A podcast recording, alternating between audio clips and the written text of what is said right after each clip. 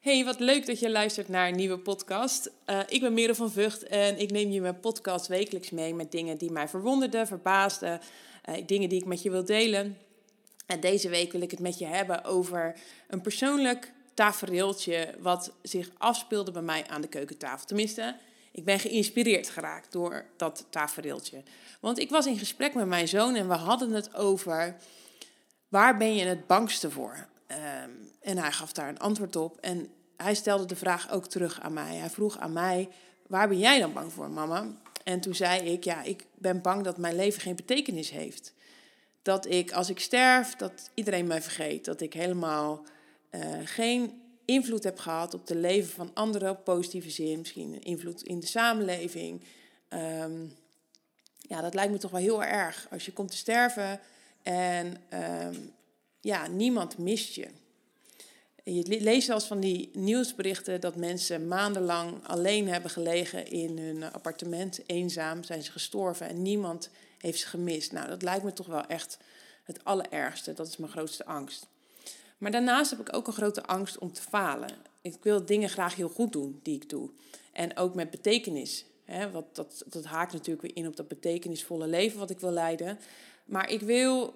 Um, ja, de dingen gewoon heel graag goed doen. Dus mijn angst is ook om te falen. Dus we hadden het daarover en hij zei tegen mij, en dat vond ik dus echt goud. Hij zei tegen mij, mama, maar als je, uh, misschien moet je zo groot en hard falen in de dingen die je doet, uh, zodat niemand jou vergeet. En ik moest daar heel erg om lachen, want ik dacht, ja, dat is echt zo mooi. Die kinderen denken heel erg creatief na over dit soort dingen. En zo, uh, ja, dat was gewoon omdenken ten top natuurlijk. Want als jij heel hard faalt in iets wat jij uh, heel graag wilt, en echt grandioos faalt, hè, dat je misschien zelfs het nieuws haalt, of, dan maak je toch betekenis. En dan ben je, heb je alsnog geen leven waar jij geen betekenis hebt gehad. Dan heb je nog steeds, uh, ja, dus ik vond het heel erg sterk dat hij dat zei. Ik moest er heel erg om lachen. En toen dacht ik, hé, hey, dit is misschien wel een mooi om daar een podcast over op te nemen. Want als ik precies weet, uh, hoe, als, ik, als ik heel hard faal, welke dingen ik dan doe, hè, met een falend leven, dan kan ik dit ook omdraaien en dan weet ik precies wat ik heb te doen om een betekenisvol leven te hebben. Als je nog een beetje snapt waar ik naartoe wil. Ik denk het wel, want ik denk dat uh, mijn, mijn luisteraar is heel intelligent en die kan, het gewoon, uh, kan dit gewoon volgen. Dus ik wil het met deze, uh, dit kwartiertje dat ik jou spreek hebben over hoe, wat is mijn visie van heel hard falen in het leven? En welke subonderwerpen vallen daaronder? En hoe kan ik dit ombuigen om een succesvol leven uh, te creëren voor mezelf? En ik wil je daarin uitdagen daar zelf ook eens over na te denken. Want uh, ik heb daar als eerder over gehad in de podcast. We weten heel vaak wat we niet willen maar we weten heel, um, soms heel slecht wat we wel willen. En ik geloof heel erg in de law of attraction en dat je kan manifesteren uh, wat je wil. Maar dan moet je wel precies weten wat je wilt. Dus als je dat niet wilt, dan kan je niet eens manifesteren. Dus dan gaat het natuurlijk ook niet werken. Dus ik ga het vandaag met je hebben over wanneer ik denk dat ik faal. En het zijn er, ik heb deze voorbereid, het zijn er vijf zullen er vast nog veel meer zijn, maar dit waren de vijf die in mijn hoofd opplopten op dit moment. Dus die wilde ik met je delen. Nummer 1 ga ik met je delen. Wanneer denk ik dat ik faal, of dat ik hard faal in het leven? Dat is wanneer ik als coach coach voor het geld en wanneer mijn klanten zich niet gezien voelen dat is iets waar ik zelf wel eens mee te maken heb gehad. Dat ik zelf uh, ging samenwerken met een coach waarvan ik toen ik was ingestapt het idee had dat het voornamelijk om het geld ging en minder om, uh, om mij. Um, en ik voelde mij hierin niet gezien. En deze situatie vond ik echt, ja, vond ik heel vervelend. En dat is wat ik als coach ten alle tijden wil voorkomen. Ik wil dat mijn klanten zich gezien voelen. Ik wil dat mijn klanten zich uitgedaagd voelen. En natuurlijk hoef ik niet um, als een loopjongen achter mijn klant aan te lopen. Want ik heb daarin leiderschap te nemen. In de zin van dat ik mijn bedrijf wil leiden zoals ik dat wil. En dat ik ook wel mijn klant geef wat ze nodig hebben. Dus niet alleen maar eh, om ja, dat ik ze geef wat ze vragen. Ehm, maar als mijn klant zich niet gezien voelt en mijn klant zou dit aan mij teruggeven, nou, dat zou ik echt wel echt heel erg uh, vinden. Ik zou dan wel het gevoel hebben dat ik uh, ergens een beetje in faal. Want ik heb wel het idee dat alle uh, ondernemers die ik spreek wel worstelen met het issue dat ze zich niet gezien voelen. En als je ehm, je niet gezien voelt, ja, dan voel je je heel erg klein en betekenisloos. En dan ga je je ook zo gedragen. Uh, dus wat ik heel erg wil voor mijn klant is dat ze zich in ieder geval door mij gezien voelen. En dat is ook de reden waarom ik met, uh, met een kleine groep met klanten werk. Zodat er heel veel één op één contact is. En waarin ik mijn klant echt kan zien. Dus, uh, eerste faalmoment. Wanneer ik denk dat ik heel hard faal in het leven, is dat wanneer het, ik coach voor het geld en niet voor de visie die ik heb. Uh, waarin ik wil zorgen voor sterke, onafhankelijke vrouwelijke ondernemers, maar uh, dat ik het voornamelijk dus doe, voor het geld en dat ze zich daar niet gezien voelen in het proces waar ze in zitten. Nummer twee, um, ik faal wanneer ik een volger ben en wanneer ik alles doe wat er van mij gevraagd wordt. En laten we even eerlijk zijn, deze fase ken ik wel. Ik heb heel lang um, ja, laten we eens beginnen bij het begin. Als kind zijn was ik heel erg authentiek, heel dicht bij mezelf. Ik deed de dingen op mijn manier. Ik was aan het tekenen, aan het lezen. Uh, maar op een gegeven moment voelde ik me wel heel eenzaam. En toen dacht ik, nou weet je wat, als ik me nou gewoon heel erg ga gedragen zoals de anderen, dan uh, zou ik vanzelf wel vrienden krijgen. Dus zo gezegd, zo gedaan. Daar werd ik heel erg goed in, in het uh, kopiëren van mensen. Uh, ik werd een soort van chameleon. En uiteindelijk had ik een heel succesvol leven met heel veel vrienden en heel veel uh, ja, mooie dingen. Maar ik voelde me totaal niet succesvol. Dus voor mij, als ik dan terugkijk, hè, ik heb daar heel veel van geleerd van die fase. Ik wil het ook niet terugdraaien. Maar als ik daar weer naar terug zou moeten, dat ik zou gaan volgen, dat is iets wat ik totaal niet wil. Wanneer ik zou voelen dat ik zou falen in het leven. Ik wil authentiek zijn. Ik wil uh, leiderschap tonen. Ik wil uh, ja, mijn eigen pad bewandelen. En ik wil hierin een voorbeeld zijn voor anderen. Um, dus als ik een volger zou zijn, dat zou wel echt voelen als falen. Dus dat is nummer twee. Nummer drie. Ik ben een slechte moeder. Nou, dat is toch wel iets wat ik, uh, ja, wat ik wat ik heel erg zou vinden als ik zou terugkrijgen dat ik een slechte moeder ben. En wat is dan een slechte moeder? Want daar heb ik me ook wel eens over zitten verwonderen. Wat is een slechte moeder? Want is het niet zo dat iedereen, als ze, weet ik veel, tussen de 20 en de 30 zijn, moeilijkheden hebben met hun ouders en denken van, ja, dit heb ik tekort gehad of dat heb ik tekort gehad. En uiteindelijk ga je meer begrip voor je ouders krijgen en uh, ja, wordt die, uh, dat gebrek omgebogen naar, uh, ja, begrip. En dat je begrijpt dat je ouders altijd alles hebben gegeven aan je wat ze konden.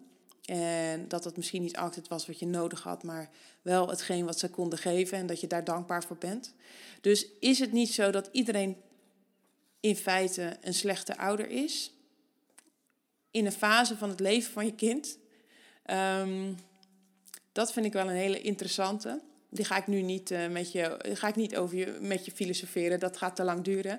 Maar uh, een, goede, een slechte ouder uh, is iemand die zijn kind niet ziet en volledig ehm, zijn kind wil vormen naar het beeld wat jij hebt in je hoofd.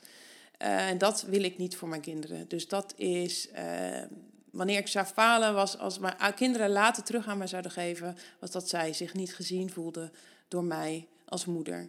En uh, zich heel erg eenzaam hebben gevoeld uh, als kind. Dus dat zou voor mij wel echt ook wel een faalpunt zijn.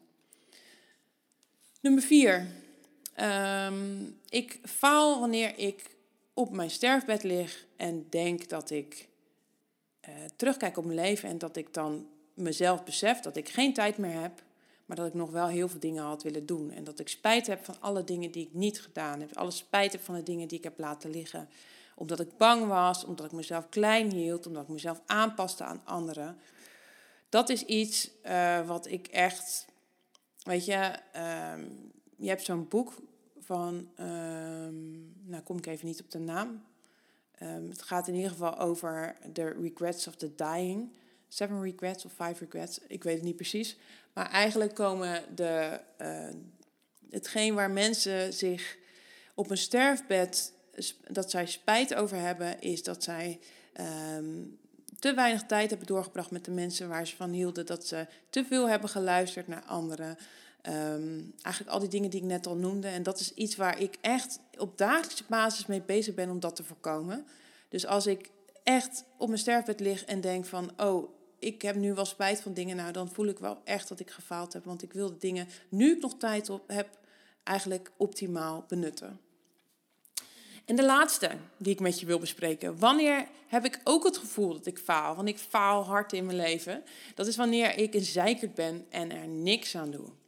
Dus zwelgen in zelfmedelijden en denken: oh, ik wil dat dingen anders zijn, maar vervolgens er hier helemaal niks aan doen. En wel continu kritiek blijven hebben op wat ik doe en wat anderen doen en andermans uh, ja, bewegingen zeg maar, bekritiseren, maar zelf lekker stil blijven staan en continu kritiek hebben. Dat vind ik ook wel echt een faalpunt hoor. Dus nou hebben we vijf punten die ik met je besproken heb. Ik coach voor het geld en mijn klanten voelen zich niet gezien. Dat is faal 1. Faal 2 is ik ben een volger en doe alles wat er van me gevraagd wordt. Faal 3, ik ben een slechte moeder. Faal 4, ik heb spijt van alles wat ik niet gedaan heb. En ik heb geen tijd meer om te veranderen. En faal 5 is ik ben een zeikert, maar ik doe er helemaal niks aan. Dus deze punten, die, ja, als dat zo zou zijn, dan zou ik me echt wel een ontzettende loser vinden. Dan zou ik echt wel falen in het leven. Maar als ik deze dan omdraai, als ik het tegenovergestelde doe, dan zou dat inhouden dat dat is wanneer ik slaag in het leven. Dus laten we dat eens even omdraaien. Als ik deze faalpunten omdraai, dan is één, ik coach omdat ik verschil wil maken en er echt wil zijn voor mijn klanten. Uh, de tweede is, uh, ik doe de dingen authentiek en pak leiderschap in mijn leven. Doe de dingen zoals ik het zelf wil. Um, het derde punt is, ik ben een goede moeder. Ik zie mijn kinderen voor wie ze zijn, niet voor wie ik wil dat ze zijn. Het vierde punt is, ik doe de dingen die ik echt wil. ik ga geen spijt hebben van de dingen die ik niet heb gedaan. Ik heb alleen, uh, ja, ik, ik, ik doe gewoon alles wat ik wil en ik maak er een doelstelling voor. Dus het is heel belangrijk dat je heel de doelstellingen maakt over wat je wil bereiken. En um, de, laatste, wanneer ik denk dat ik succesvol ben, is wanneer ik een ongenoegen voel. Hè, want laten we wel wezen, ongenoegen kun je altijd voelen. Het is niet zo dat je, dat, je, dat je heilig bent, dat je nooit een bepaalde ongenoegen voelt of een bepaald moment voelt dat je wil zeuren of trappen of whatever. Um, maar dat wanneer ik ongenoegen voel, dat ik voel dat dit er mag zijn en dat het een uitnodiging is om het anders te doen. En al deze dingen komen samen op één ding, en ik hoorde hem pas bij iemand, ik weet niet meer bij wie, maar iemand zei: je kan beter full speed op je bek gaan dan vertraagd. Dus ik wil het leven met een rotgang genieten. En ik wil dat die dingen die ik doe om succesvol te zijn, wil ik gewoon full force wil ik daarin gaan. En misschien faal ik daar dan wel een beetje in. Maar ik ga, doe er alles op alles om deze vijf punten die ik je net noemde, om succesvol te zijn in het leven, om die met volle kracht vooruit uh, te gaan uh, ownen. Um, dus dat is mijn omdraaimoment van hoe ik snoeihard zou falen en uh, hoe jij het, het gevoel van falen, wanneer je dat omdraait, dat jij dan kunt zien hoe je eigenlijk succesvol kan worden. En um, ja, ik vond het een heel leuke oefening om te doen voor mezelf en ik vond het ook leuk om met je te delen. Um, dus ik wil jou eens uitnodigen om datzelfde te doen. Dus pak eens een blaadje en schrijf eens vijf punten op waarvan jij denkt bij jezelf, als ik dit doe, hier voel ik me echt in falen. Als ik dit zou doen, als dit zou gebeuren in mijn leven, als ik dit zou, uh, als mij dit zou gebeuren, wanneer ik dit laat gebeuren, dan voel ik me wel echt een ontzettende loser. Dat is echt, echt niet, dat is hetgeen wat ik eigenlijk wil voorkomen in mijn leven. En wanneer je deze vijf hebt opgeschreven, probeer het dan eens om te draaien. Wat is het tegenovergestelde hiervan? En kijk eens um, wat er dan staat en hoe jij dus succesvol bent wanneer je je succesvol voelt. En kijk eens naar hoe je de dingen nu doet en hoe je dat eventueel zou kunnen bijsturen om dichter bij jouw meest succesvolle versie te komen. ben heel erg benieuwd of jij uh, je uitgedaagd voelt om deze opdracht uh, uit te voeren. En wat je uiteindelijk hebt opgeschreven. Uh, lijkt me super leuk om van je te horen.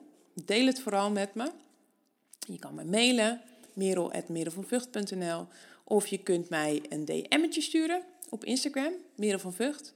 Lijkt, lijkt me super leuk om van je te horen. Um, een leuke oefening denk ik om te doen terwijl je op het strand zit, nu in de zomer.